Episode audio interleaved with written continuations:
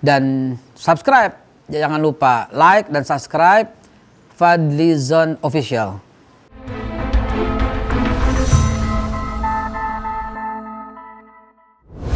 Assalamualaikum warahmatullahi wabarakatuh. Salam sejahtera untuk kita semua. Saudara-saudara, pada saat ini saya kedatangan seorang tokoh, seorang tamu yang beberapa waktu lalu menjadi pusat perhatian karena dipanggil polisi urusan mimpi. Ini adalah sebuah peristiwa yang menurut saya uh, agak unik ya dan langka. Langka. Siapa lagi kalau bukan Babe Haikal Hasan Baras. Mau lengkap banget Bang Fadli. Waalaikumsalam warahmatullahi wabarakatuh. Terima kasih nih Babe Haikal bisa. Alhamdulillah. Kita udah janji berkali-kali sebenarnya tapi baru pada kesempatan ini kita bisa ngobrol. Terima kasih. Dan kebetulan waktunya. Nah, kebetulan momennya ya boleh dibilang tepat gitu karena Babe Haikal ini dipanggil urusan mimpi. Saya juga kehabisan kata-kata gitu ya. Karena saya hampir tiap hari mimpi gitu. tiap hari. Sering gitu. dipanggil maksudnya. Jadi waktu itu saya nge-tweet atau lain kali mungkin hmm. kita nggak boleh mimpinya apa disampaikan gitu. Tetapi mimpinya Babe Haikal ini tentu saja terkait dengan sebuah peristiwa. Ketika hmm. itu ada enam orang anggota Front Pembela Islam hmm yang wafat insya Allah suhada gitu ya insya Allah, jadi insya syahid ya insya Allah dan Babe Haikal berada di situ nanti bisa diceritakan nah ya. saya hmm. ingin mungkin Babe Haikal menceritakan dulu dan mungkin udah beberapa kali juga diceritakan pada banyak pihak gitu ya hmm. terutama kepada kepolisian gitu ya iya iya iya gimana mimpinya yang sebenarnya Babe Haikal jadi ceritanya ini saya sebenarnya sangat keberatan diangkat ke publik. Ya. Dan saya nggak tahu siapa yang rekam, siapa yang angkat ke publik, siapa yang viralkan, siapa yang upload, saya nggak tahu. Bahkan nggak bakal saya lupa kata-kata awal saya bilang saya mau bicara khusus untuk keluarga. Itu saya katakan untuk keluarga, gitu loh. Kenapa? Karena dia sedang berduka. Harusnya saya apa ya dianggap mitra polisi mestinya. Sebab saya tuh berkata sama mereka tuh sudahlah jangan sedih. Maksudnya ya udah, jangan berpanjang kesedihan. Udah selesai maksudnya Mau gitu. menenangkan ya. Mau menenangkan. Jangankan kasus ini ya. Misalnya ada orang meninggal karena narkoba. Yang kita bilang apaan? Bu, hati-hati ya anak lu di neraka kan nggak mungkin kan. kita bilang ya dia udah tenang kembali semoga dosanya diampunin gitu kan gitu. Hmm. Bagi saudara-saudara kita yang beragama Kristen juga apa pun bentuk kematiannya sudah bersama Bapa di surga atau sudah bersama bersama pangkuan Yesus Kristus gitu loh. Atau uh, dan selain dan seterusnya dan seterusnya dalam beberapa agama. Apakah salah kalau saya berkata demikian? Yang menjadi salah katanya saya menghubung-hubungkan. Loh, saya cerita pengalaman pribadi, saya bilang, waktu saya masih tinggal di Palestina, ya dalam rangka sesuatu gitu ya. Saya tuh sering sekali menunggu bulan menunggu buka puasa itu sama orang-orang Palestina tuh candanya tuh begini. Siapa yang nanti buka puasa bersama Rasulullah? Karena Israel tiba-tiba jatuhin bom di mana-mana gitu loh. Iya, iya, iya. Gitu. Itu, itu itu sering canda kayak gitu. Bahkan waktu malam waktu sahur saya sahur tuh di rumah ya, Syekh Ahmad itu itu kita sahur malam ya kita waktu terawih ya. Itu bilang siapa tahu kita sahur bersama Rasulullah.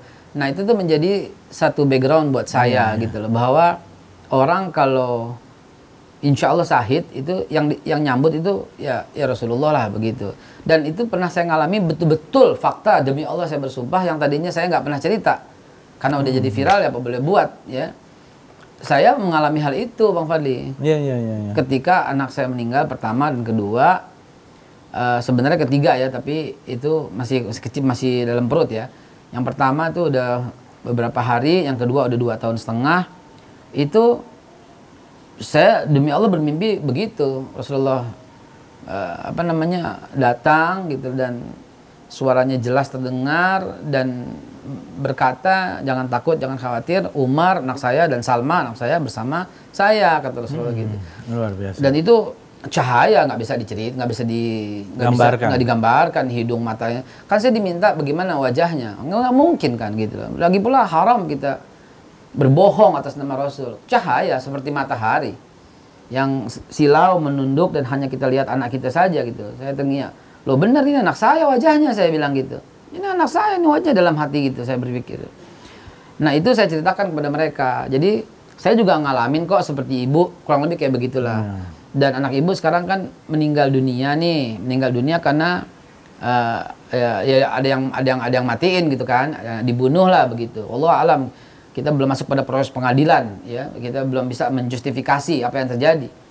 Tapi ya ya begitu gitu loh. Justru saya tuh harusnya mendapat ucapan selamat gitu loh bukan dipanggil gitu loh karena saya bilang udahlah jangan diperpanjang hmm. uh, anakmu insya Allah insya Allah udah selamat lah udah selamat udah udah uh, insya Allah kan saya bilang insya Allah menyambut bapak ibu nanti di surga gitu gitu kan nah wajar lah saya kira kayak begitu ya, kok ya wajar wajar kok dianggap ini mengajak orang supaya melawan negara, supaya bertemu Rasul. Kan itu persepsi lo saya bilang gitu kan. Saya nggak hmm. begitu gitu loh. Apakah kalau orang nih ya, meninggal karena kecelakaan, lalu kita bilang semoga Allah ya, mengampuni semua dosamu. Apakah itu memicu semua orang untuk mati karena kecelakaan kan nggak juga gitu kan? Ya, ya. Benar benar. Kita kan minta panjang umur gitu loh, bukan. Tapi waktu diperiksa oleh polisi berapa pertanyaan tuh? 23. Banyak juga ya. Oh, banyak banget. Bingung Yang saya jawabnya. terkait dengan mimpi ada berapa? Lebih daripada sepa, separuh barangkali ya, kurang lebih separuh lah. Boleh di, boleh tahu misalnya apa yang ditanya? Dari mana mereka tahu Sahid mati saya atau tidak? Oke. Okay. Saya bilang, saya nggak bilang dia mati Sahid. Saya nggak tahu dia mati Sahid mereka nggak gitu kan. Oh, orang kan boleh berpersepsi, nah, boleh ber, berpendapat. Iya, iya sebagian pendapat mengatakan demikian. Kita kan berdoa, mendoakan hmm. gitu loh. Ya. Mendoakan. mendoakan. Saya juga ikut mendoakan. Terus apalagi yang lebih seru itu gambarannya.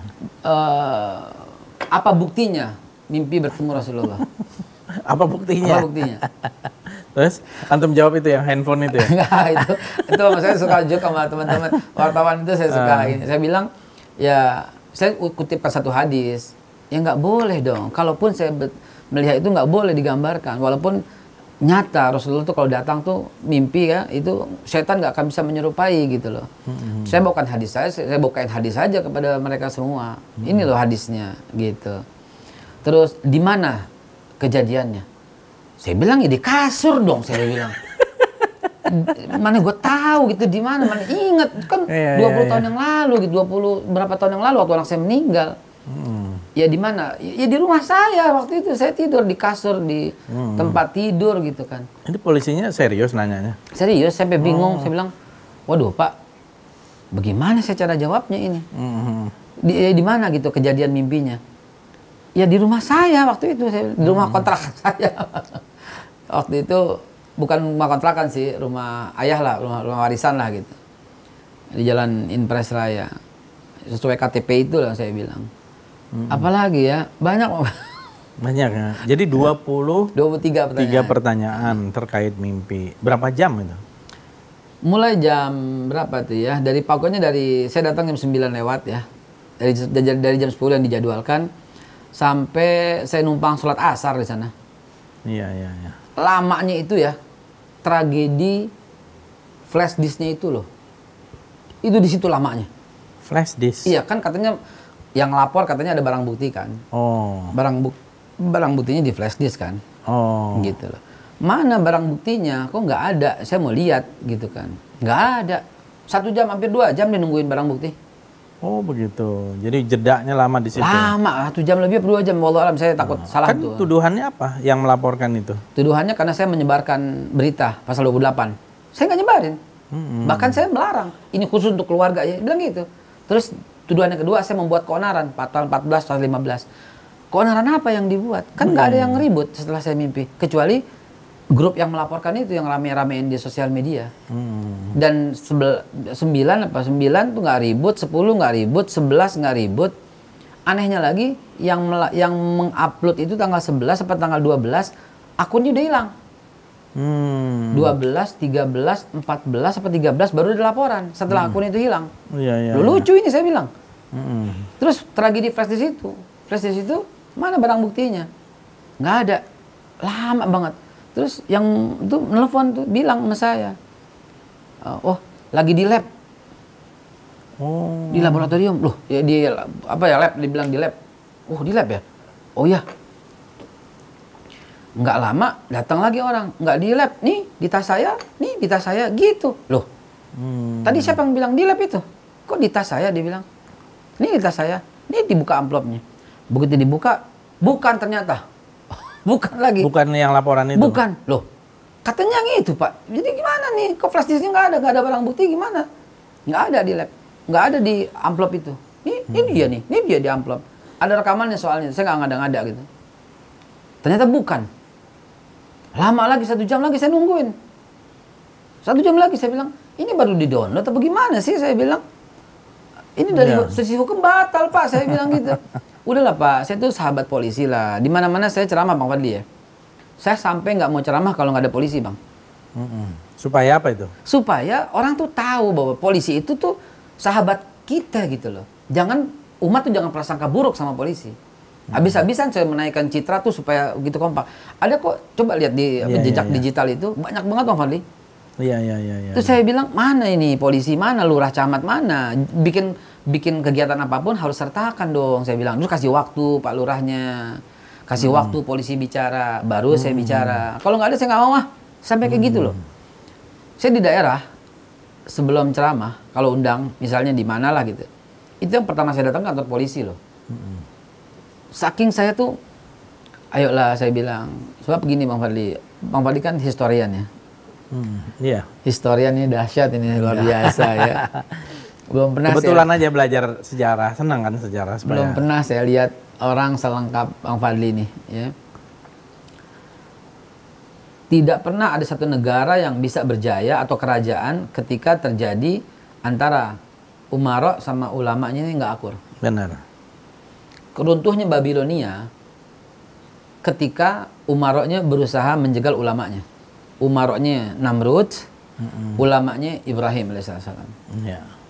Kalau kita buka dalam kitab Qasasul Anbiya misalnya, Namrud itu udah sewenang-wenang, tapi nggak diapa-apain karena belum pernah ada keributan antara dia dengan ulama. Ketika ribut, runtuh Babilonia.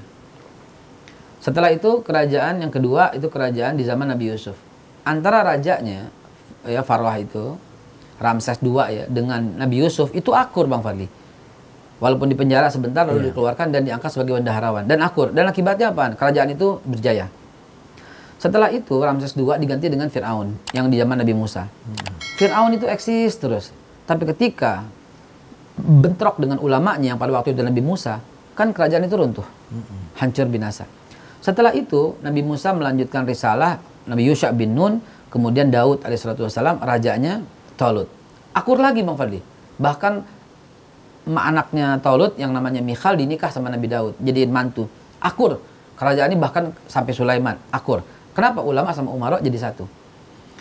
Setelah itu kosong kerajaan sampai bangkitnya eh, Herodes yang nggak akur dengan Nabi Isa. Runtuh lagi Bang Fadli. Iya. Setelah itu Nabi Muhammad SAW. Kalau kita lihat runtutan-runtutan itu, ulama sama umarok ini mesti gandengan, polisi, umat mesti gandengan, pemerintah, rakyat mesti gandengan. Eh, kalau umpamanya nggak gandengan ya tunggu hancurnya. Jadi tuh saya tuh sampai ke sana, mestinya bukan saya ngarap-ngarap ya, tapi mestinya itu rakyat percaya sama polisi, polisi melindungi rakyat itu yang ideal. Maka saya berusaha bang Fadli, ceramah di mana pun, ayo Benar-benar. Karena kan sebenarnya polisi itu kan alat negara. Dan polisi itu kan harusnya adalah bagian dari sipil. Iya. Nah, dengan undang-undang yang memisahkan dengan TNI kan di situ perannya.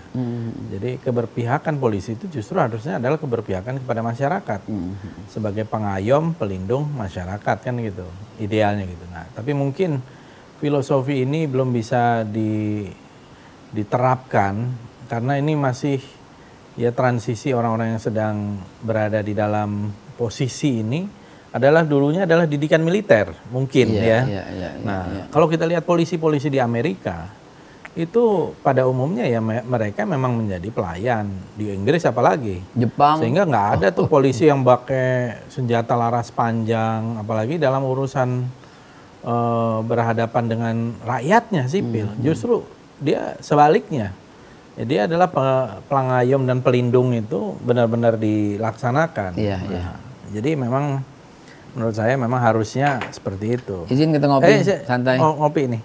Ini kopi kalau nggak salah dari Lampung ya. Nah, Toraja ya? nah, jadi suka kopi kan Bapak Haikal?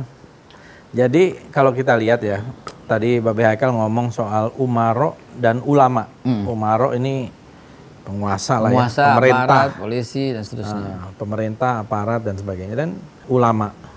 Saya kira memang sudah seharusnya kan. Nah, kalau kita lihat di tadi sejarahnya ibaratnya kan agak panjang banget tuh ke Namrud ya. Saya Iya. by the way pernah tuh ke sana. Saya pernah ke Babylon. Saya ada tujuh kali mungkin ke Babylon. Oh, Ke Nimrud sampai ke makamnya Nabi Yunus, iya, Mosul iya, iya. iya. tahun tahun 97, 98, 99 tahun 2000. Saya ke makam Nabi Yunus juga. Ya, Ah, di Mosul di Jonah. Iya, iya, yang mungkin sekarang sudah dihancurkan tuh Iya itu. oleh ISIS tuh. Aduh, ISIS itu bukan Islam. Bukan Islam. Kita tegaskan sekali Iya. lagi. ISIS bukan Islam. Dia perusak ISIS Islam. itu justru menurut saya menghancurkan dan merusak nama baik. Itu bukan cara-cara Islam dan saya kira jelas bertentangan dengan ajaran Islam. Bang Fadli, lihat ya. Ngomongan saya ini pasti dikatakan sama para netizen cari selamat lu ya kal cari selamat ya saya katakan lihat jejak digital saya ya 10 tahun yang lalu kalau perlu nggak pernah berubah saya katakan ini nggak pernah berubah Loh, saya katakan begini, saya coba deh kita lihat. Islam itu kan dari dulu adalah agama yang paling toleran. ini. iya Ya kan?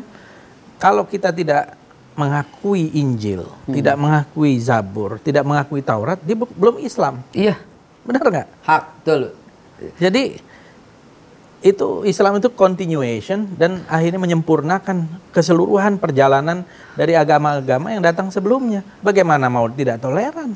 dan saya tuh ya pasti kalau ngomong gini nih kita nih abis dicaci maki netizen, oh cari selamat cari selamat cari selamat saya bilang begini ya kalau ada jejak digital saya satu menjelek-jelekan atau memaki-maki pemerintah Pak Jokowi memaki-maki secara personal maupun memaki pemerintah atau menjelek-jelekannya sekalian kritik kritik lain dong menjelek-jelekan ya. Ini Iya, fitnah perlu. ya Hmm. saya bayar satu miliar. Waduh, satu miliar ya? satu miliar saya bayar. Kalau seandainya ditemukan saya mencela agama orang. Iya, iya, iya. mencela etnis orang. Iya, iya, iya. ya. Mencela etnis etnis ya. Cina sama RRC beda ya. Kalau saya ngatain RRC bukan berarti saya etnis di Indonesia Iya, tuh ya. iya. Nah, itu. Saya sampai bilang begitu. Dan itu pernah saya ngomong di apa podcast mana saya lupa saya bilang.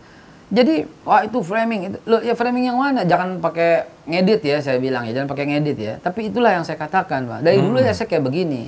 Ingat waktu Pak Jokowi habis dikata-katain eh, apa namanya lakala wakala kata gitu sama Al-Fatihah gitu. Saya tuh belain loh. Iya, iya. saya bilang eh itu kan lidahnya. Kenapa lo katain? Hina banget lo saya bilang. Lebih hina yang ngatain saya bilang terus kemarin tuh Pak siapa Pangdam Pangdam Jaya siapa? Oh, Pak Dudung. ah Pak Dudung yang salah mengutip saya bilang eh dia salah mengutip pahalanya dua lo dalam Islam lo saya bilang lu men apa dikata-katain lagi justru apa ya saya dibilang wah cari selamat cari selamat astagfirullahaladzim Iya. kita serba salah netizen ini Nggak apa-apa. Gini kan, Babe Haikal ya. Saya kira Babe Haikal kan pasti lebih tahu kan ustadz gitu. Saya jangan bukan jangan ustadz. saya bukan ustadz saya bukan ustadz Jadi begini, di mana ada kita hidup, semua orang suka sama kita. Kan nggak ada kan? Nah, Justru itu munafik ya. ya kan Semua orang suka sama orang ini, kayaknya munafik ini orang. nggak ada.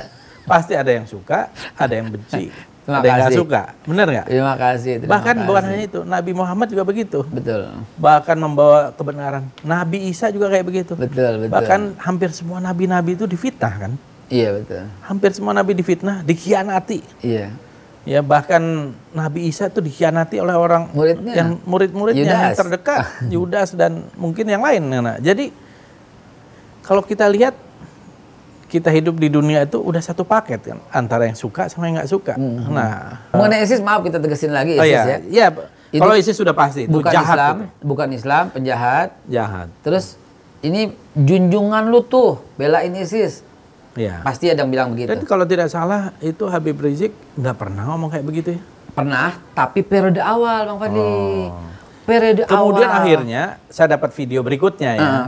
yang mengatakan Habib Rizik mengatakan itu semua adalah bertentangan dengan ajaran Ya Islam. karena kita Iya. cuma terima berita separuh. pada waktu awal itu. awal itu semua orang Iya, kagum. iya, iya, iya. Siapa yang nggak kagum dengan Khomeini pada waktu revolusi Iran? Hmm. Belakangan akhirnya Syiah. Isis itu awalnya dikagumi sama semua orang. Walaupun ya, kita bilang agak aneh juga nih ya.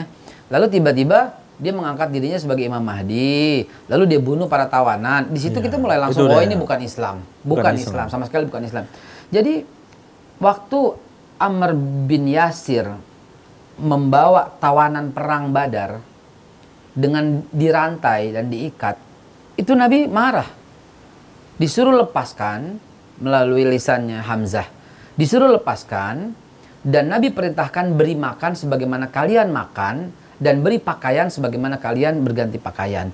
Artinya itu Islam menghormati gitu loh. Sebagaimana menghormati, nggak nyiksa Ya, betul betul.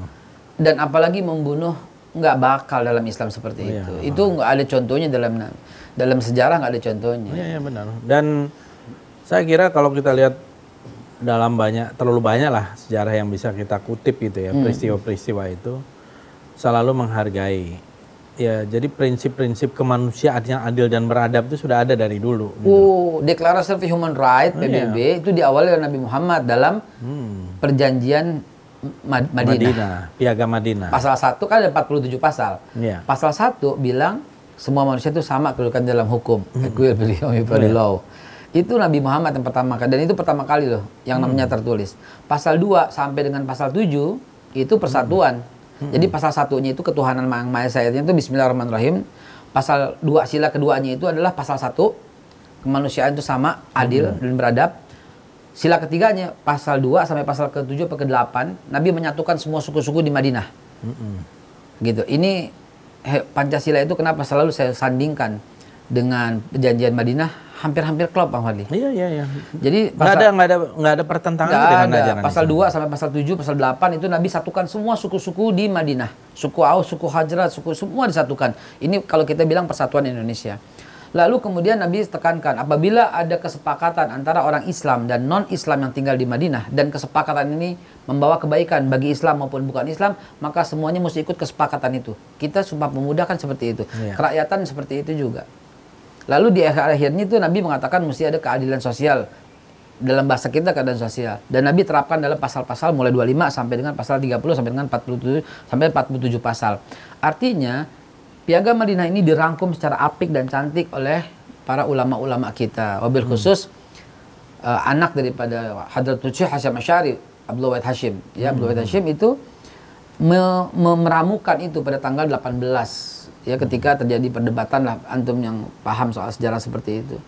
Jadi saya bilang Indonesia ini udah final lah Pancasila udah 45 gitu. Jadi harusnya kan tadi karena Mbak B. Haikal ngomong soal umaro dan ulama. ya. Saya kira memang umaro ini harus belajar sejarah Islam ya. Supaya ngerti Islam itu bukan agama seperti mungkin ada yang membayangkan dengan kekejaman, ketidakadilan dan kesewenang-wenangan dan lain-lain itu. Karena kalau umaro ini tidak mempelajari Islam, apalagi dari sejarahnya, bisa salah paham. Sebentar-sebentar dibilang intoleran, sebentar-sebentar dibilang eh, radikal gitu ya. Jadi ini kan kata-kata yang begitu kayak murah untuk diucapkan, tetapi menunjukkan eh, ketidakmengertian, ketidaktahuan akan perjalanan sejarah. Jadi labeling, stereotyping, stigmatisasi terhadap Islam itu bukan mendekatkan hubungan umaro dengan ulama, justru makin memperlebar jurang itu. Iya. Nah, saya ngelihat eh, sementara dari kalangan ulama ya saya melihat tidak ada yang hal-hal yang aneh ya. Babe Haikal yang lebih banyak dekat dengan kalangan ulama, pada umumnya eh, ulama di Indonesia adalah orang-orang yang betul-betul moderat, Ya. orang yang menerima kenyataan bahwa kita ini beraneka ragam. Nggak ada yang memaksakan satu keyakinan tertentu, apalagi keyakinan agama kepada orang yang berbeda keyakinan. Iya, iya. Nah ini gimana menurut Babe Haikal? Hmm. Meyakinkan tadi supaya atau merukunkan dalam Baik. tanda petik antara ulama dan umaro ini. Ya, baik. Saya dalam usaha yang cukup, saya nggak pernah publikasi. Dan inilah pertama kali terpublikasi oleh Bang Faldi.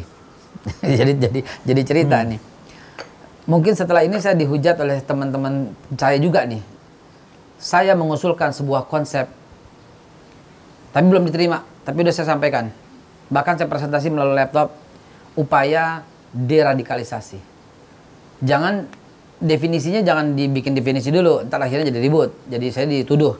Tapi saya bilang masih banyak di kalangan orang Islam berpikir bahwa pemerintah ini togut, bahwa ini mesti dilawan. Saya menyadarkan mereka dengan konsep piagam Madinahnya Nabi. Di mana Nabi udah pesenin bahwa ketika negara dalam bahaya, baik Islam maupun yang bukan Islam, itu harus bersatu untuk menghalau yang mengancam negara. Artinya ada konsep nasionalisasi nasionalisme dalam situ.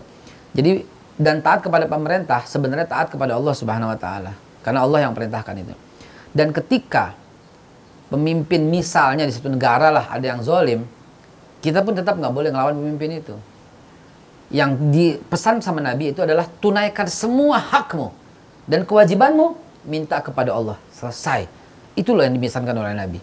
Dan saya sodorkan hadis itu, ayat itu, ayatnya itu ja'alnakum syu'uban wa qabailan. Allah menjadikan kalian bersuku-suku berbangsa-bangsa. Jadi Allah yang jadikan bersuku-suku berbangsa-bangsa. Itu pada sadar, Bang. Iya, saya ingat pada waktu ISIS baru mulai, saya bersama seorang pelopor ISIS yang udah mati di Indonesia di Islamic Center Bekasi. Berdebat abis saya sama dia. Sebab ini orang-orang mau dibayar masuk ISIS semua dan sebagian udah mau. Saya debat habis-habisan melalui piagam Madinah.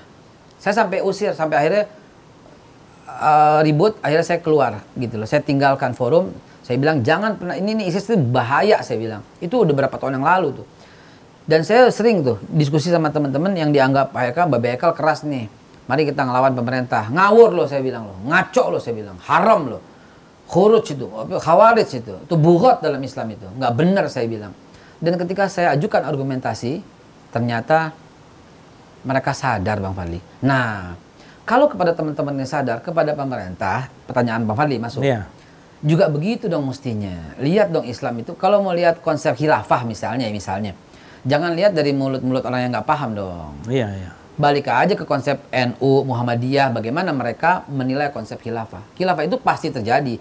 Jangan musuhin khilafah, dan jangan juga mengupayakan khilafah dengan menghapus Pancasila dan UUD 45. Nggak benar juga.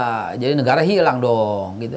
Khilafah itu automatically terjadi di akhir zaman ketika tanda-tanda kiamat sudah mulai terjadi dengan turunnya Nabi Isa dan dipimpinnya semua dengan Imam Mahdi.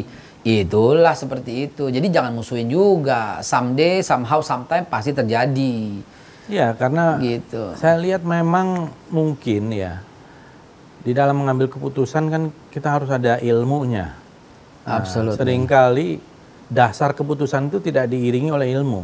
Mhm. Harusnya kan pemerintah dalam hal ini mengumpulkan ahli-ahli agama yang ngerti sejarah, eh, kemudian ahli-ahli filsafat, ahli-ahli memang orang-orang yang ahli bukan penjilat-penjilat gitu Iya. ya. Nah, jadi orang-orang ahli itu yang memberikan input yang bagus dan akhirnya paham gitu apa yang dimaksud eh, dengan khilafah. Jangan secara harafiah kemudian akhirnya salah paham kan kalau di dalam sejarah biasa saja orang mengatakan itu kekhalifahan itu kayak dinasti kok. Dinasti Utsmani dan sebagainya Iya, gitu. iya, itu kan kenyataan.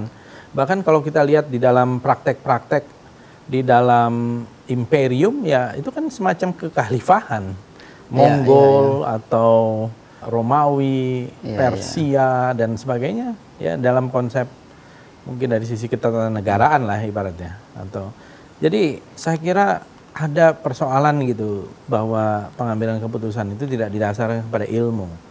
Nah, sehingga Kecurigaan ada. kecurigaan akhirnya stereotip Hmm. ini menurut saya memang bahayanya kebodohan di sini. Ya kalau saya lihat gitu ya. Karena bisa membuat orang salah paham dan akhirnya beradu. Saya saya sependapat dengan Babe Haikal tadi mengatakan kalau kan ada pepatah mengatakan it takes two to tango. Nah, Iya. jadi kalau kita mau tango harus dua jadi umaronya dan ulamanya harus sama-sama gitu. Iya. karena kita nih menghadapi pandemi yang luar biasa ya. Sekarang rumah sakit di mana-mana banyak yang penuh. Ini baru mau mencapai puncaknya gitu ya. Terus kita beradu untuk hal-hal yang sama-sama nggak dapat apa-apa. Iya. malah akhirnya banyak korban gitu ya.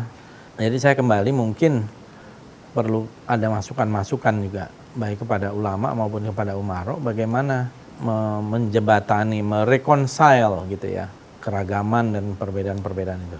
Oke, nah sekarang saya mau tanya Babe Haikal itu tentang jadi soal mimpi tadi udah jelas. Kan Babe Haikal ya. ini juga juru bicara PA 212. Mm-mm, mm. Sejak kapan tuh ya?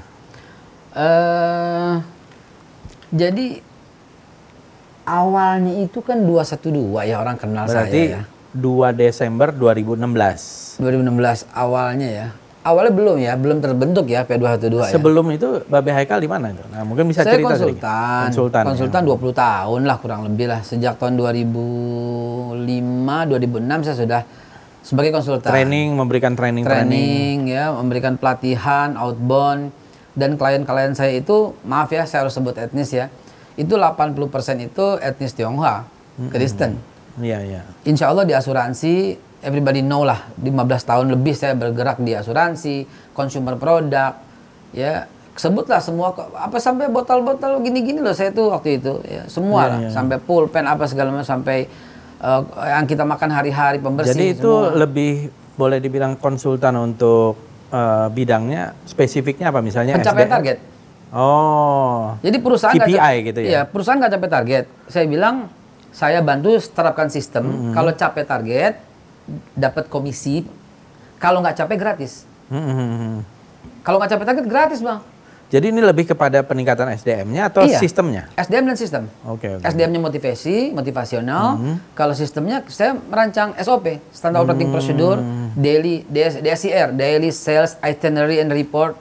Karena saya punya data itu bang. Iya, iya, saya iya, punya iya. data warung seluruh Indonesia. Iya, iya, iya, iya. Jadi kalau mau capai target sama saya, saya bilang kalau nggak capai gratis. Saya gitu bang.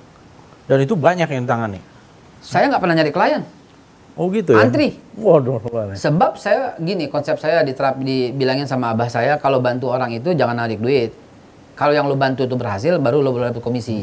Kan konsep syariah. Iya, iya, iya. Walaupun nama syariah itu belum ada pada waktu itu saya bilang, Bapak punya padi, saya punya traktornya. Kalau ternyata padinya nggak menghasilkan, ya kita mesti tanggung sama-sama ruginya. Saya bilang gitu aja. Jadi saya nggak pernah nyari klien. Habis ini ini, habis ini ini, habis ini kadang-kadang sekaligus dua, sekaligus tiga, kalau empat udah saya nggak sanggup dah tuh karena saya mesti datang tiap hari kan. Itu saya itu kerjaan saya Bang Fadli. Nah, kenapa seorang konsultan profesional seperti Babe Haikal tiba-tiba ikut 212? Pak Basuki. Basuki Cahaya Purnama. Oke. yang sebenarnya pada waktu 212 awal teman-teman tahulah saya tuh belum ada andil. Saya cuman orang yang sebagai pembicara pada waktu itu saya bilang wah ini nggak benar nih. Saya lihatnya gini Bang Fadli. Kalau ini nggak dimasukin ke ranah hukum, maka besok tuh akan ada orang yang berkata jangan mau dibohongin sama surat yasin. Bebas, jangan mau dibohongin sama al-ikhlas, bebas, jangan mau dibohongin al-baqarah, bebas. Jadi alat bohong nanti. Iya, iya, iya. Nanti orang Islam marah, jangan mau dibohongin sama Injil. Waduh, perang agama. Maka itu saya Waktu 411 udah ikut ya Babe Haikal? saya ikut 212 saya ikut 14 juga ikut juga ikut eh, apa namanya bahkan saya sama novel sama bukan bukan novel sama Abdul Khair termasuk orang yang pertama melaporkan Pak Ahok ke res- ke apa namanya ke Baris Krim waktu itu Itu bulan apa? Oktober? Oktober Oktober ya. Saya sama Pak Mbak Abdul Khair tuh melaporkan ini Pak Ahok apa namanya telah menghina Al-Quran. Saya lihat di Facebook yang upload si Buniani itu. Iya, iya. Itu Pak Abdul Khair sama saya tuh tanda tangan uh, untuk melaporkan kasus ini ke polisi karena kalau didiamkan bisa berpotensi. Iya. Bukan soal dinaik jadi gubernur. Kita ngerti Pak. Saya kan dulu kan menatar Pancasila. Siapa pun jadi presiden atau jadi pemimpin kalau disetujui oleh rakyat dan sah silahkan. Dan menurut undang-undang waktu Pak Jokowi jadi presiden, wakil wakil gubernur kan naik gitu loh. Kita protes enggak etnis Tionghoa silahkan aja, Kristen silahkan aja, kita nggak protes. Undang-undang negara kita me- mengabsorb seperti itu kok. Jadi protesnya kita itu adalah penghinaan Al-Quran. Penghinaan Al-Quran ya. Saya nggak bisa terima aja Al-Quran jadi alat bohong. Jangan mau dibohongin sama Al-Maidah 51. Udah, kalimat itu bahaya. Iya, iya, Jangan iya. mau dibohongin Betul, sama ustadz-ustadz yang memelintir ayat itu boleh silahkan. Hmm. Ustadznya yang jadi pembohong. Ini ayatnya jangan mau dibohongin. Kalau itu kepleset lidah, segera minta maaf. Eh enggak juga. Mungkin diminta maaf atau enggak tuh? Kelihatannya sih enggak. ya. Karena waktu itu saya ingat sekali tuntutannya dari kalangan umat Islam yang waktu itu juga berpartisipasi, saya juga hadir. Iya. Saya ba- sebagai wakil ketua DPR bahkan didatangi dan diminta hadir, saya hadir. Hmm. Saya bersama Habib Rizik malah di mobil komando bersama Fahri Hamzah Oh ya. dan bersama para ulama-ulama lain. Saya di bawah tuh, Nah. depan DPR. Ya. Subuh. Ya, ini yang di ini yang di pusat gitu ya, Hmm. yang di Merdeka itu. Nah, saya melihat memang itu menjadi satu trigger, satu picu gitu yang luar biasa. Jadi Hmm. Babe Haikal waktu itu ter artinya terdorong karena ini pembelaan terhadap Al-Qur'an Iya, dan iya. juga terhadap Yang saya sampai sekarang ini masih aneh. Kenapa kontrak-kontrak saya dibatalin setelah itu? Nah, ini menarik ini. Jadi tadinya udah banyak kontrak. Oh, ada Jangka bang. panjang. Jangka panjang. Hmm. Jangka panjang. Bermaterai. Hmm. Saya nggak usah sebut deh. Perusahaan apa deh. Bermaterai jangka panjang. Dibatalin sepihak langsung. Apa karena dianggap mungkin radikal? saya bilang lihat, ini kan cuma ini. Saya bilang jangan dibawa ke sana sini dong. Saya bilang. Ah. Dibatalin bang Fadli. Sedih Kalau saya. boleh tahu berapa banyak kontrak yang dibatalin? 18 kali apa 19 gitu. Oh. Sadis benar-benar, sadis. Kan kalau kontrak dibatalin ada kompensasi dong. Nggak ada. Oh nggak ada. Nggak ada. Udahlah saya bilang, ya udahlah saya bilang saya nggak cari makan sama mereka. Allah bisa kasih ganti rezeki dari yang lain. Amin amin amin. Saya bilang gitu aja. Tapi emang bisnis saya emang hancur. Hancur lebur berantakan. Jadi semacam di apa namanya? Di sabotase atau di apa itu? Nggak ngerti saya. Abis ya, abis benar-benar. Ini teman-teman yang nonton acara ini, yang dari kalangan etnis Tionghoa atau yang Kristen, pasti dia akan berkata setuju insya Allah. Eh, ini Haikal yang dulu pasti gue pasti setuju. Media yang membuat saya tiba-tiba menjadi radikal kayak begini, gitu loh. Dalam tanda petik radikal. Dan tanda petik ya. Sebab dari 212 ketika kan saya narasumber nih. Dari berbagai TV kan dia akan narasumber karena dianggap orang yang dekat dengan HRS gitu kan. Bahkan didirikan sekjen didirikan HRS Center saya didaulat sebagai sekjen gitu kan oleh Pak Abdul Khair.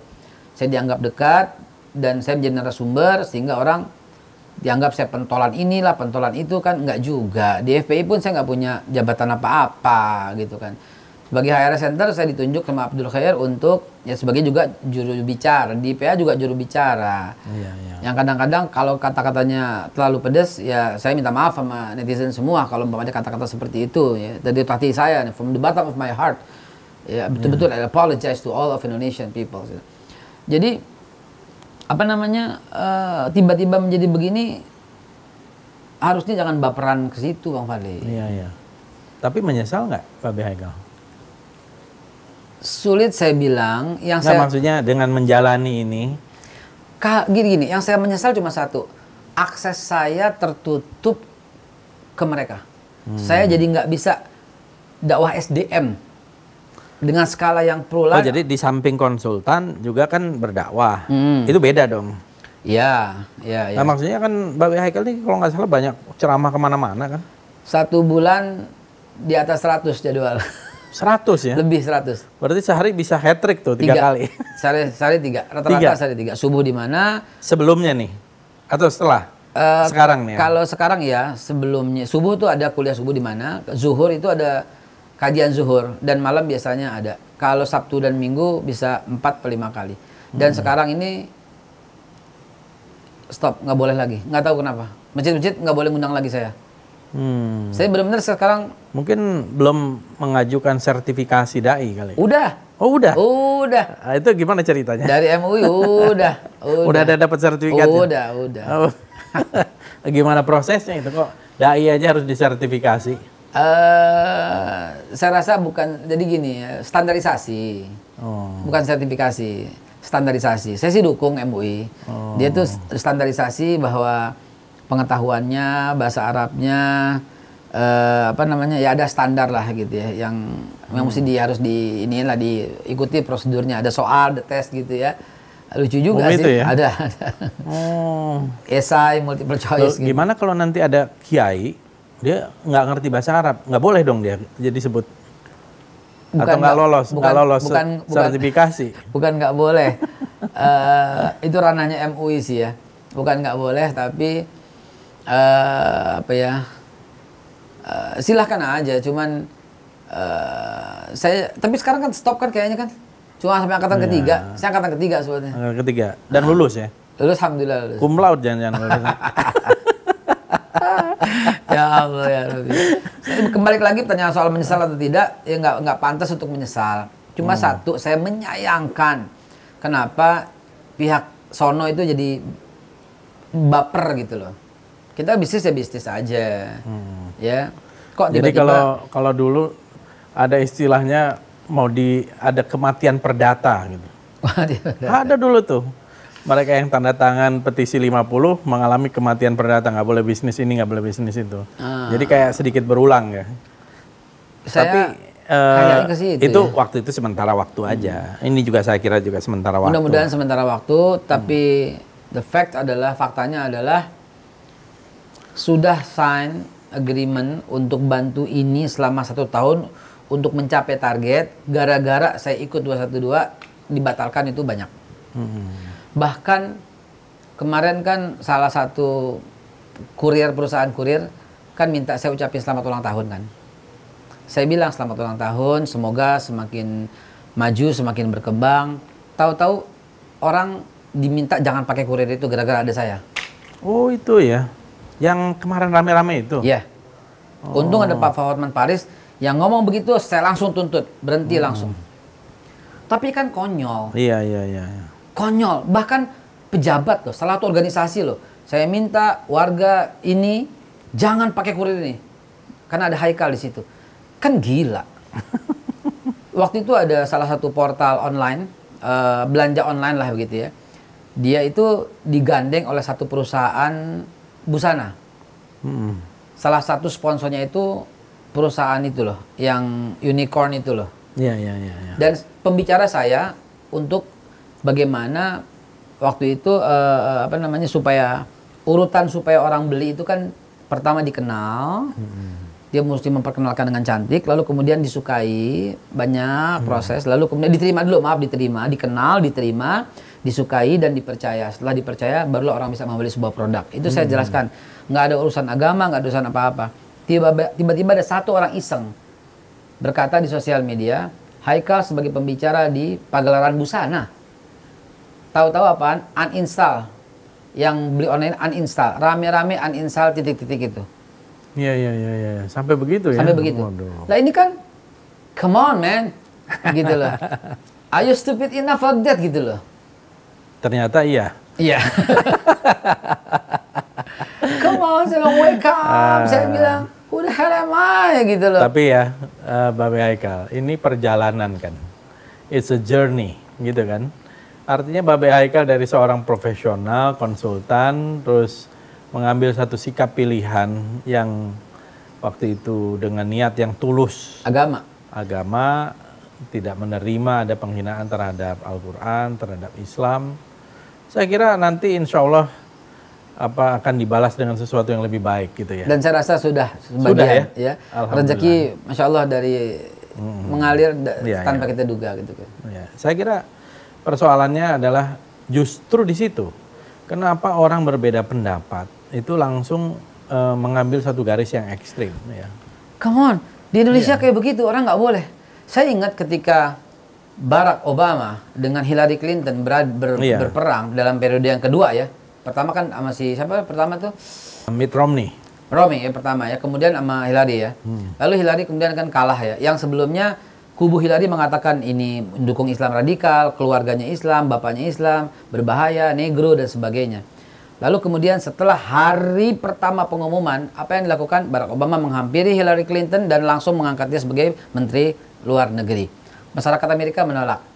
Di Indonesia, ketika Pak Prabowo dengan Pak Jokowi, kemudian Pak Prabowo dia akan jadi menteri, terus come on, dari sini dimaki-maki, dibilang nggak setia lah sama rakyat, nggak setia lah dengan perjuangan, mengkhianati lah. Loh come on, saya bilang, kok, kok Jadi Banyak memang itu. deh, banyak. Sebenarnya itu Yang memulai itu adalah namanya Abraham Lincoln. Hmm. Dia Abraham Lincoln itu ditulis bahkan di dalam bukunya A Team of Rival. Oh. Sebuah tim yang terdiri dari rival-rivalnya, Hmm. musuh-musuhnya. Hmm. Waktu itu kalau tidak salah namanya Seward, calon dari Demokrat, Iya. orang kaya. Abraham Lincoln ini berkali-kali mau maju, Hmm. kalah terus. Hmm, Jadi di konvensi Partai Republik dia kalah. Kalah lagi. Berapa kali di legislatif kalah. Kalau tidak salah kesalahan itu bisa belasan kali. Iya, betul. Dan akhirnya dia lolos Hmm. menjadi calon presiden. Setelah 14 kali, Iya, kali ya nggak ya? melawan ini Seward, eh, lolos dari Demokrat, Hmm. beradu Abraham Lincoln menang. Hmm. Nah, Abraham Lincoln ini kemudian menawarkan, Hmm. kamu bagaimana kalau kamu saya angkat menjadi Secretary of State, Hmm. menjadi menterinya, menteri utamanya bahkan itu Secretary of Nggak State. masalah kan? Nah, tahu jawabannya pertama si Seward ini, Hmm. kan lawannya, Hmm. Kamu tahu saya ini benci sama kamu, Hmm. gitu loh. Dan kenapa kamu mau Ngangkat. eh, mau ngangkat saya? Terus Abraham Lincoln bilang, oh saya tahu, saya juga nggak suka sama kamu. Hmm. Tapi saya tahu kamu suka Amerika. Kamu Amerika. cinta Amerika. Saya juga cinta Amerika. Begitu. Dahsyat. ceritanya. Jadi, Seorang negarawan mesti kayak gitu. nah, jadi memang itu a team of rival. Nah, saya sih tidak mempermasalahkan itu ya. Dan menurut saya itu bagus-bagus saja. Hmm. Hmm. Tinggal bagaimana eh, harusnya setelah menjadi penguasa ini kan, ini yang yang hebatnya kayak Abraham Lincoln itu, dia itu didera dengan perpecahan yang luar biasa, Hmm. bahkan perang, Iya. perang saudara. Bayangkan, Abraham Lincoln itu menghadapi perang saudara waktu itu Amerika. yang dahsyat, Hmm. yang ribuan puluhan ribu orang yang meninggal Hmm. antara utara dengan selatan. Iya. Tetapi dia bisa menghadapinya. Dan saya datang kira-kira bulan Februari tahun lalu tuh, saya kebetulan diundang UN eh, Perserikatan Bangsa-Bangsa untuk bicara. Habis itu eh, saya sempatkan untuk mampir ke Gettysburg. Hmm. Nah, Gettysburg, eh, oh bukannya ini, yang tahun lalu lagi, Hmm. saya sempatkan pertempuran tuh tiga hari antara utara dengan selatan. Hmm. Kalau tidak salah sampai 8.000 orang yang meninggal. Uh, Bayangkan, di tiga kedua belah hari. pihak. Dan perangnya bukan kayak perang-perang ngumpet di pohon-pohon gitu, ini perang terbuka. Orang yang saling kenal, gitu loh. Nah, tapi jangan sampai terjadi. ya, tapi akhirnya bisa dia redam karena dia sangat bijak gitu. Hmm.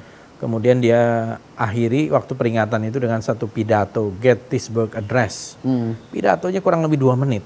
Tapi sampai hari ini Hmm. Pidatonya yang namanya Abraham Lincoln itu, itu bisa dicek. Itu di YouTube bisa lihat tuh Gettysburg Address. Dahsyat. Salah satu pidato terbaik yang pernah saya dengar gitu ya.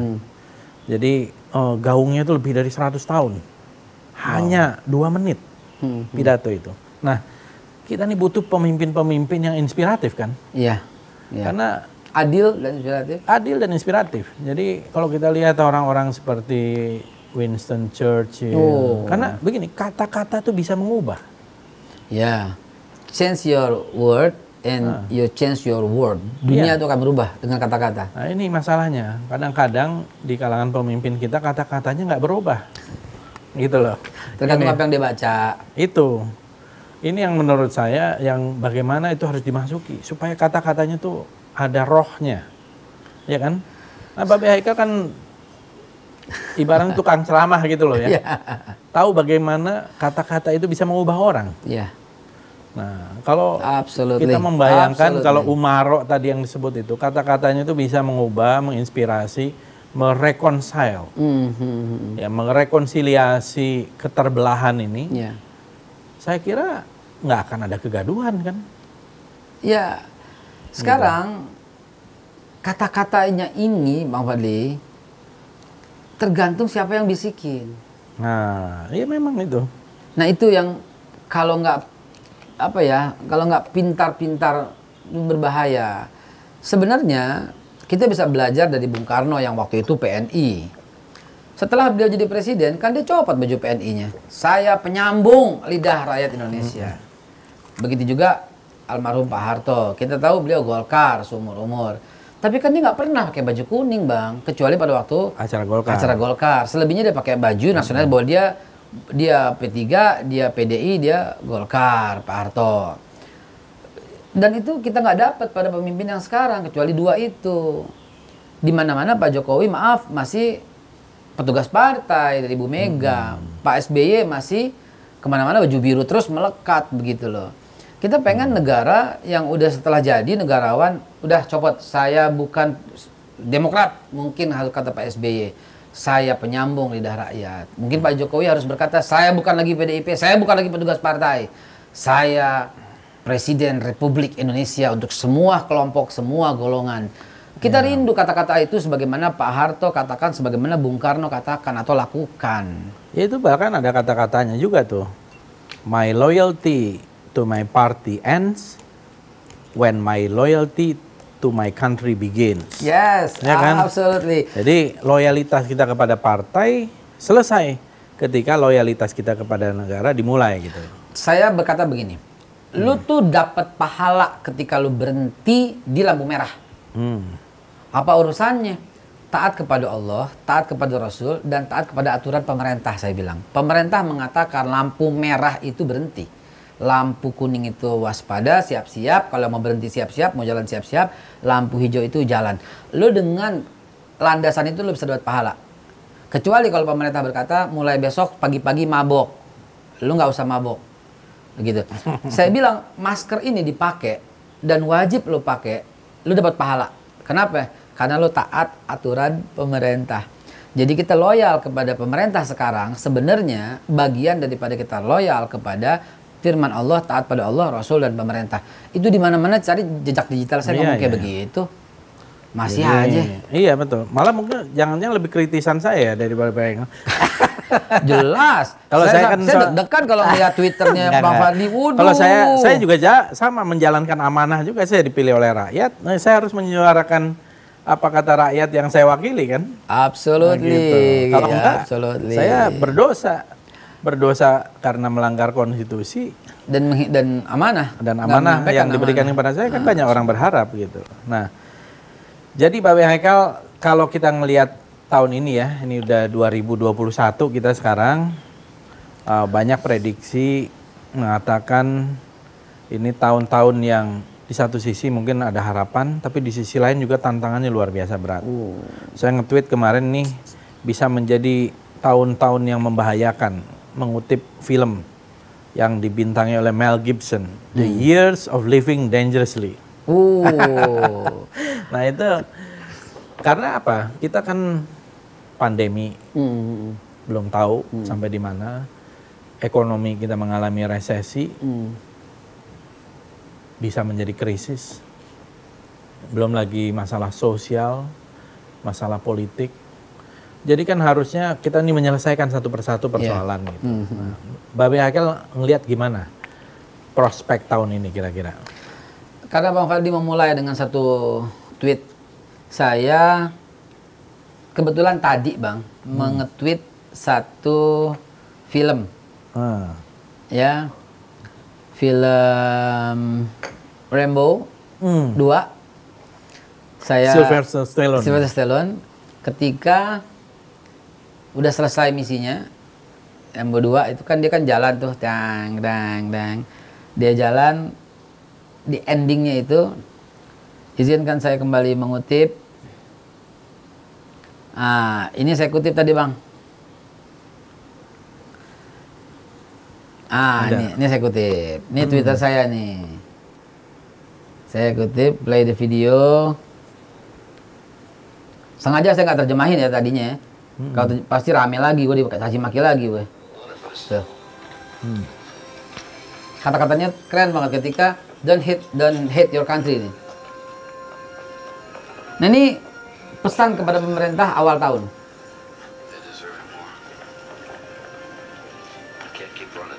Nggak bisa lari kan, lu jangan lari lah sekarang gitu kan. Baliklah ke pemerintah gitu kan. Don't hate your country, jangan benci negaramu kan.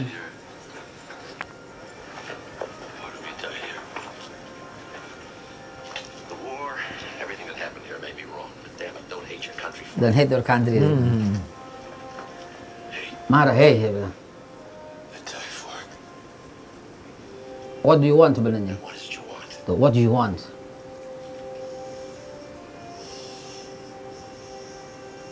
I want I want what they want. and what they want.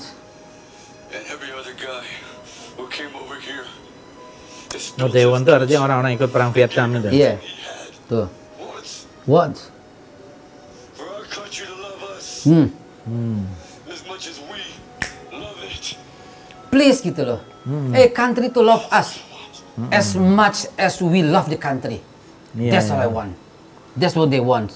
Jadi negara itu harus hadir benar-benar melayani rakyat. Jangan kita disuruh cinta negara, tapi negara juga harus memikirkan kan gitu. Iya, jadi Rembo bilang yang kami inginkan tuh kita tuh cinta mati loh sama negara.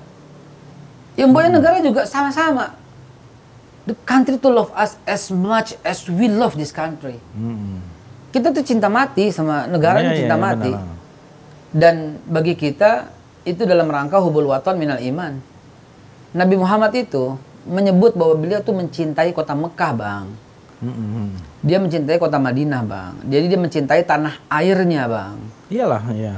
Jadi ya kita pun juga mencintai tanah air kita. Di mana istilahnya di mana bumi dipijak, Dipijak, di situ langit dijunjung. Jadi jangan kita dianggap ini musuh bagi negara. Negara sama pemerintahan kan dua hal yang beda. Negara tuh pesawat, pemerintahan tuh pilot. Pilot. Yang kita kritik pak pilotnya, karena ini pesawat ini punya kita sama-sama. Jangan ketika kita kritik pilot anti NKRI, anti kebinekaan, intoleran. Ya ampun, ngomong sama orang kayak begini bang, capeknya minta ampun. Perlu kesabaran revolusioner ya. Revolusi sabarnya akhirnya kita nih. Ya, jadi- jadi... kita kritik, eh, eh, kita tuh bilang sama Pak Pilot, jangan ke sono dong arahnya. Arah kita tuh ke sini. Eh Pak Pilot, dan semua jajarannya semua, jangan begitu dong. Lo kalau kayak begini ntar pesawat bagaimana nih? Ntar kehabisan bensin tengah jalan. Loh ini pesawat pesawat kita, gue kan ada dalam pesawat itu gitu loh. Jadi gue cinta mati sama nih pesawat. Kalau gue kritik si pilot, bukan gue pengen jerumusin pesawat. Kita bakal mati sama-sama. Kita pengen anak cucu kita itu hidup di NKRI ini, ya sampai anak cucu kita menikmati keberagaman. Bahkan cita-cita saya itu adalah Indonesia itu menjadi contoh keberagaman yang nggak pernah ada di negara mana. Maaf ya, Suriah, mereka perang habis. Bahasanya sama, Bang. Agamanya sama, Bang. Hidungnya sama. Iya benar. Igalnya sama. Takbirnya sama. Perang nggak habis-habisnya. Afghanistan ada empat suku. Agamanya sama, tapi berantem nggak bisa. Irlandia dua. Australia, aborigin kayak apa coba? Di Amerika suku asli Indian punah. Tapi di Indonesia 714 suku, Bang. 630 Iya, iya, bahasa. benar.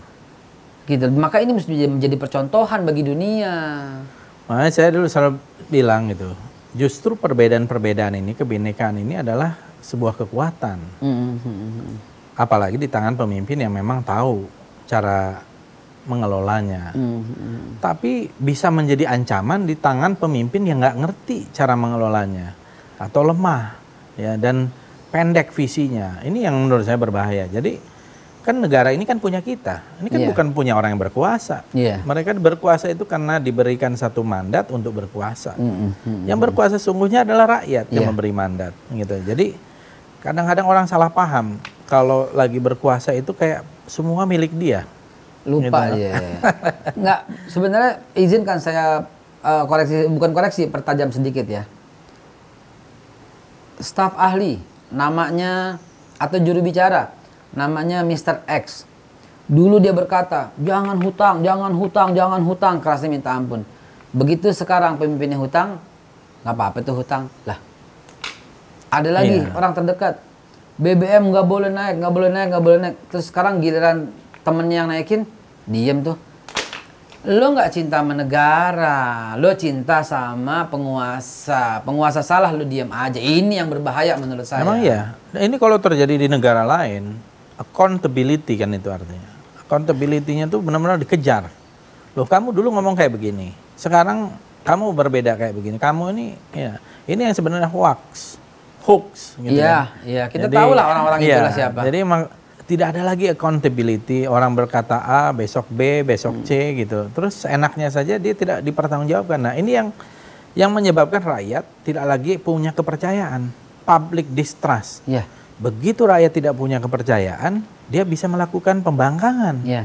Iya. Pembangkangan macam-macam, mulai dari tidak mau dengar eh, sampai melakukan satu perlawanan gitu Iya. ya. Iya. Iya. Nah ini ini yang menurut saya berbahaya bagi kelangsungan negara juga. Jadi Jeopardize gitu. Pancasila itu kita nggak pakai. Saya kan sepakat tuh dengan Pak Bang Rocky waktu-waktu di ILC itu, zaman ILC masih ada. Iya, iya. Sekarang udah almarhum. Almarhum. ya. Eh, dia bilang kan gini, siapa sih yang menjalankan Pancasila? Contoh ya, yang menjalankan Pancasila Menteri Luar Negeri Australia zaman eh, Paul Keating. Bayangkan, Iya, iya. Menteri Luar Negeri ini duduk di ekonomi di pesawat Kantas. Lalu kemudian karena si pilot tahu ada Menteri Luar Negeri dan dia mau ke Inggris, urusan pribadi anaknya, Iya. dia pakai duit pribadi. Iya, betul. Dia minta cuti. Lalu kemudian karena dia nggak enak, si pilotnya nih didudukin di bangku bisnis. Ada orang iseng dan foto. Begitu turun, besokannya dimuat di berita. Apa yang dilakukan? Dia malu, dia mengundurkan diri. Come on, come Oh, on. ada lagi contoh.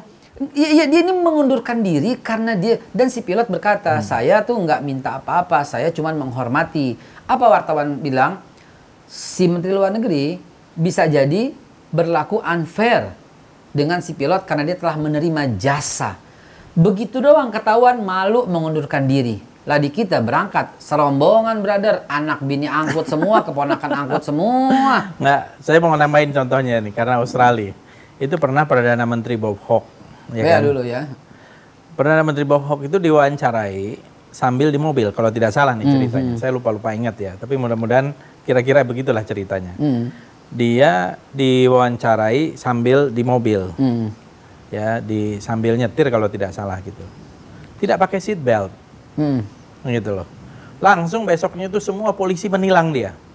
Dia perdana menteri, gitu loh. Ya, iya, iya, iya, mantap. Nah ada yang saya kenal baik ya, itu ketua parlemen Australia, Miss Mrs. Bishop namanya ya, Hmm.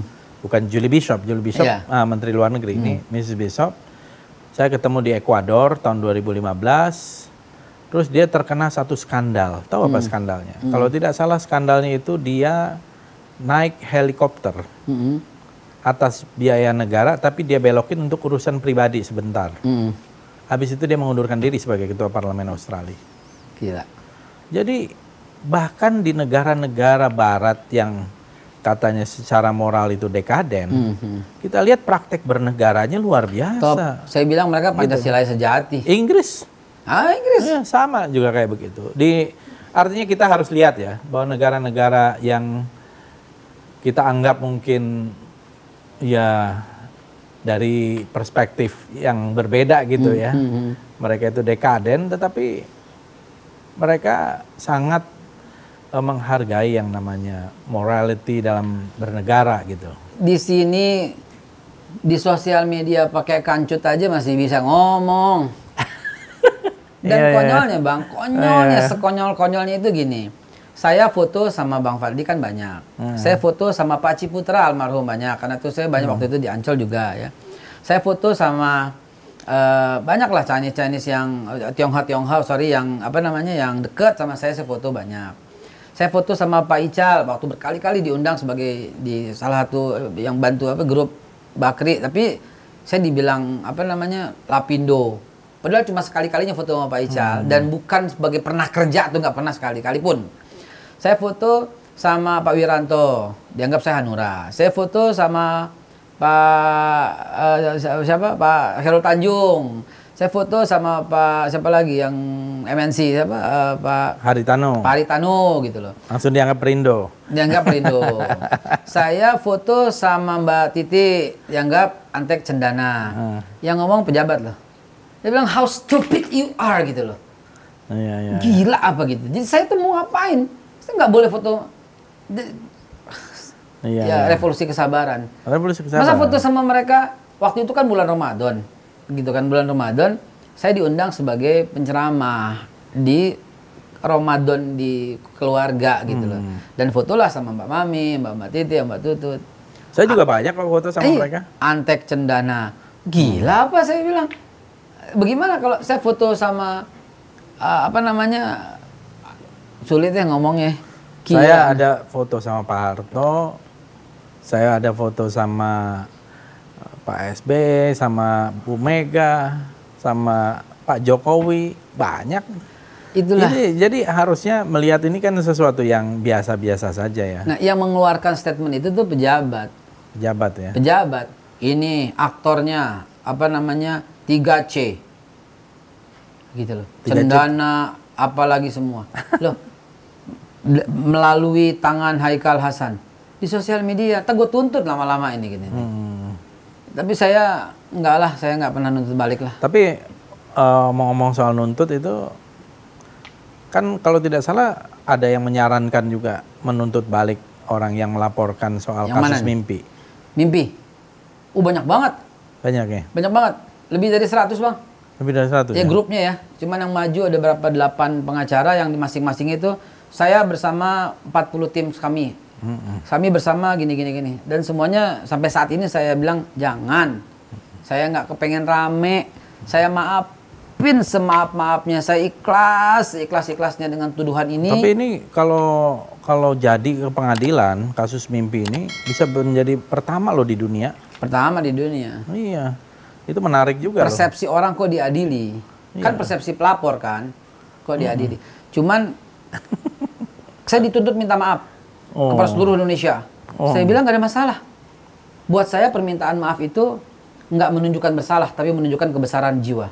Saya sampaikan saya minta maaf langsung kepada waktu dia bilang lu minta maaf. Saya minta maaf, maaf kepada seluruh rakyat Indonesia. Andai kata kata-kata saya itu dianggap sebuah keonaran. Nggak ada masalah. Dan saya memaafkan walau dia minta atau nggak minta saya sangat memaafkan semua orang seperti itu.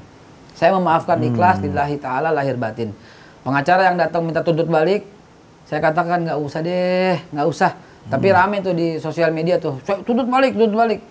Nggak usah saya bilang. Udahlah lupakan. Saya maafin. Bahkan tengah malam saya doain.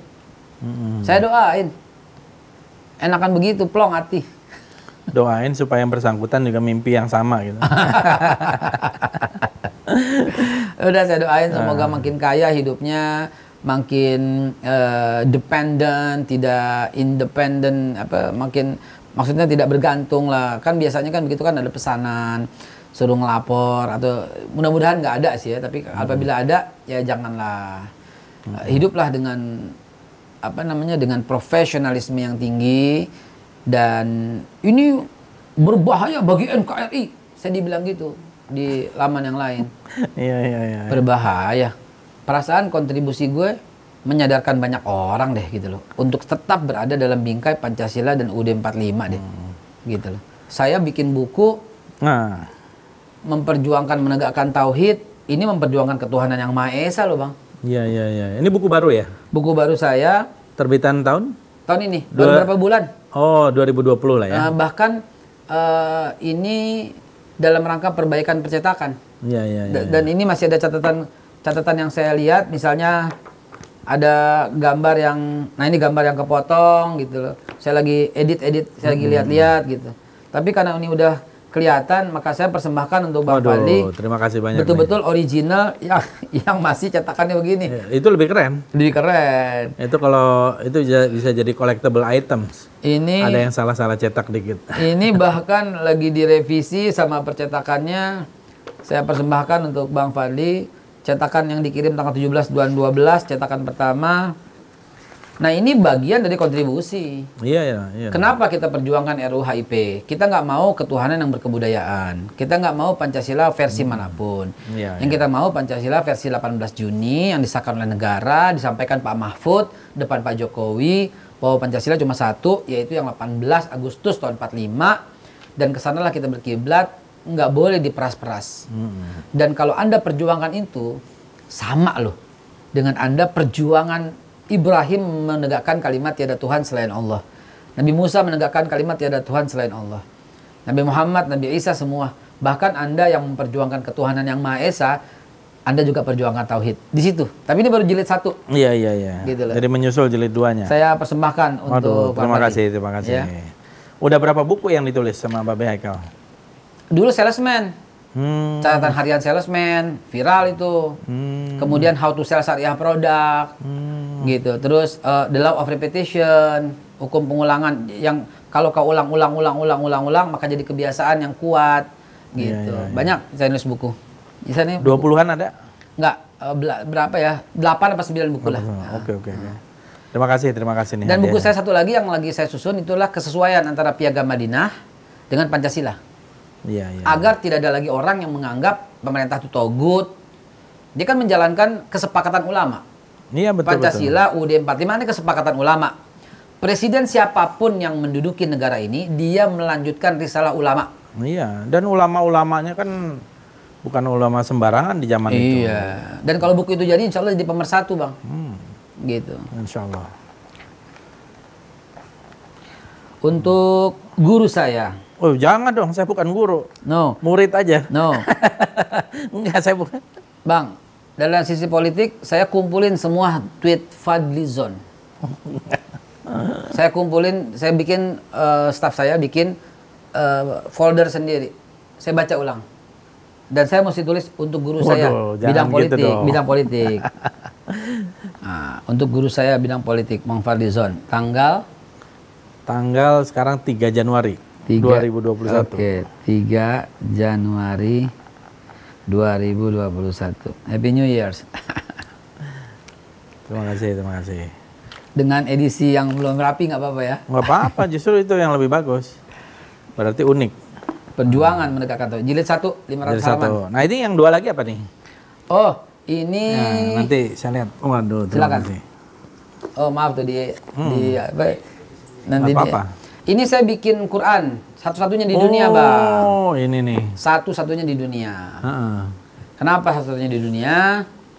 Karena saya alhamdulillah memegang paten dan sekaligus saya buat Quran ini udah disahkan di Kementerian Agama. Setiap ayat ada barcode, Bang. Waduh.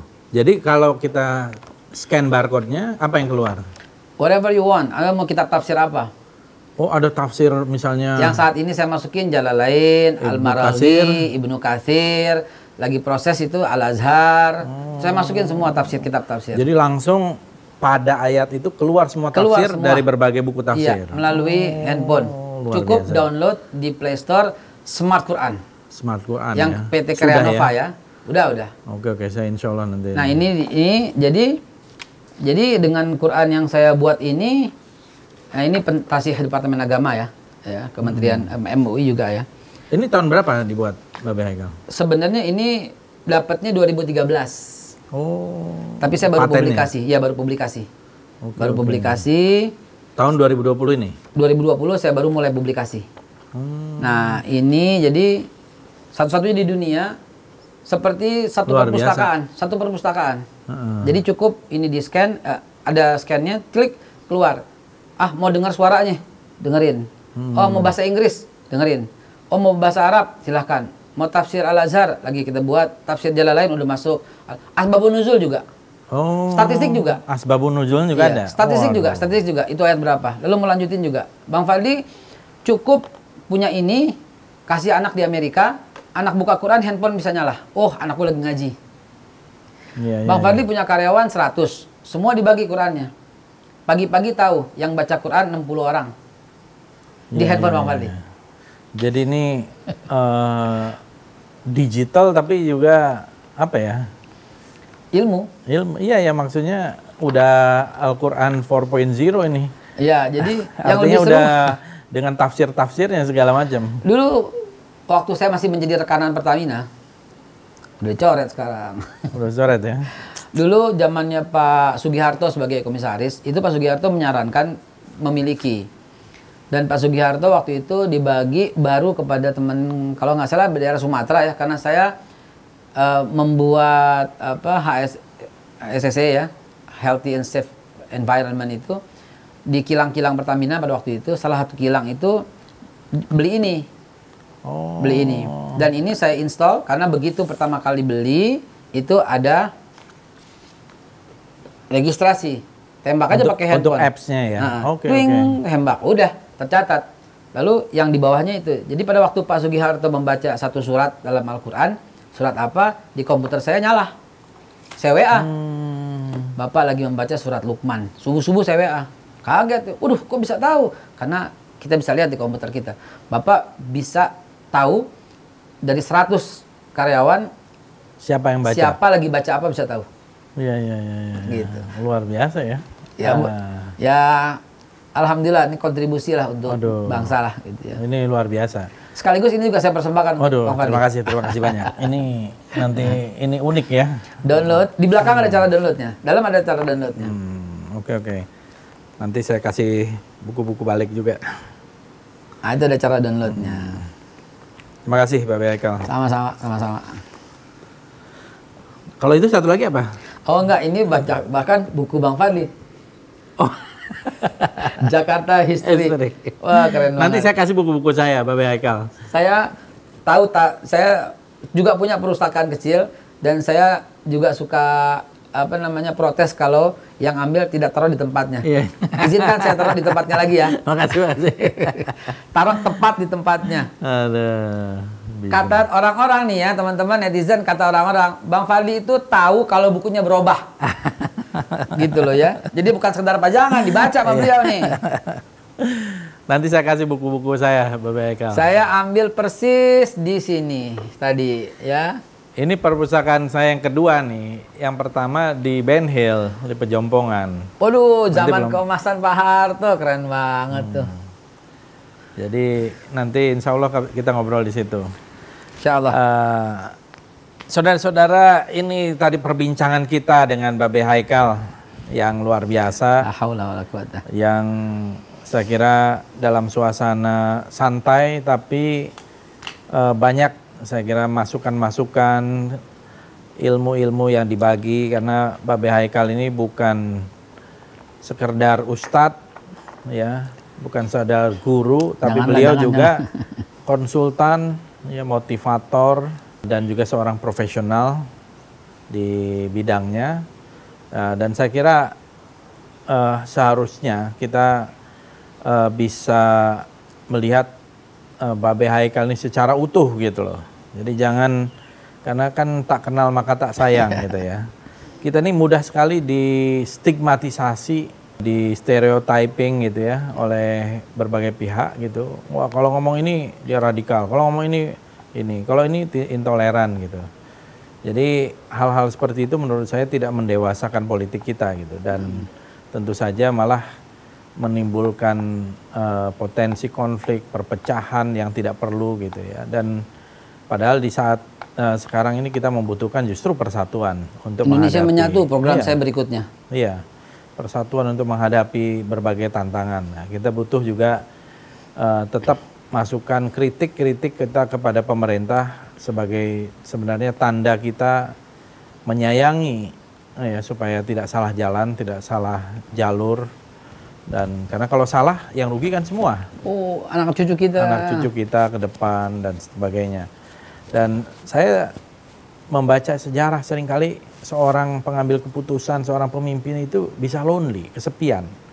Karena itulah dia harusnya dikelilingi oleh orang-orang yang terbaik di bidangnya dengan berbagai macam pertimbangan. Kalau pemimpin itu dikelilingi oleh para penjilat yang asal bapak senang, itu akhirnya keputusan-keputusannya jadi kacau balau. Nah, Mudah-mudahan eh, ke depan kita ini mendapatkan eh, apa kebijakan-kebijakan yang lebih pro rakyat Insya Allah. eh, dan juga bersahabat dengan semua kalangan, tidak ada Islamofobia atau tuduhan-tuduhan yang tidak perlu, cap, ya, stigmatisasi dan sebagainya, apalagi sampai terjadi pembunuhan seperti kasus enam orang eh, pada tanggal 7 Desember lalu. Saya ucapkan terima kasih Babe terima Haikal. kasih. Ya, mudah-mudahan terus bermimpi yang indah.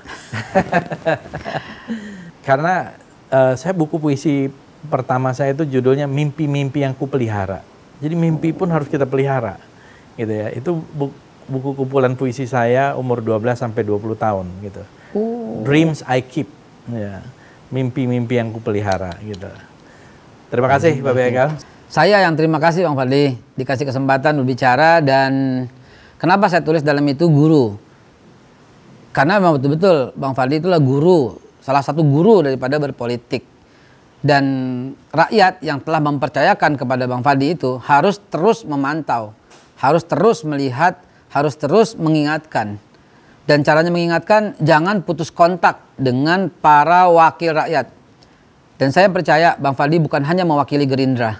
Ketika duduk di, di, di parlemen, mewakili semua rakyat Indonesia. Karena itu kepada teman-teman rakyat Indonesia saya juga menyarankan keep contact dengan salah satu di antara wakil rakyat itu Bang Fadli yang membuka diri dan subscribe. Jangan lupa like dan subscribe Fadli Zone Official. Dan itu cara untuk penyampaian. Dan insya Allah beliau amanah. Ya, sampaikan. Bukan cuma subscribe dan like, kasih saran pandangan. Kalau umpamanya mulai melenceng, kita ingetin. Assalamualaikum warahmatullahi wabarakatuh. Waalaikumsalam warahmatullahi wabarakatuh.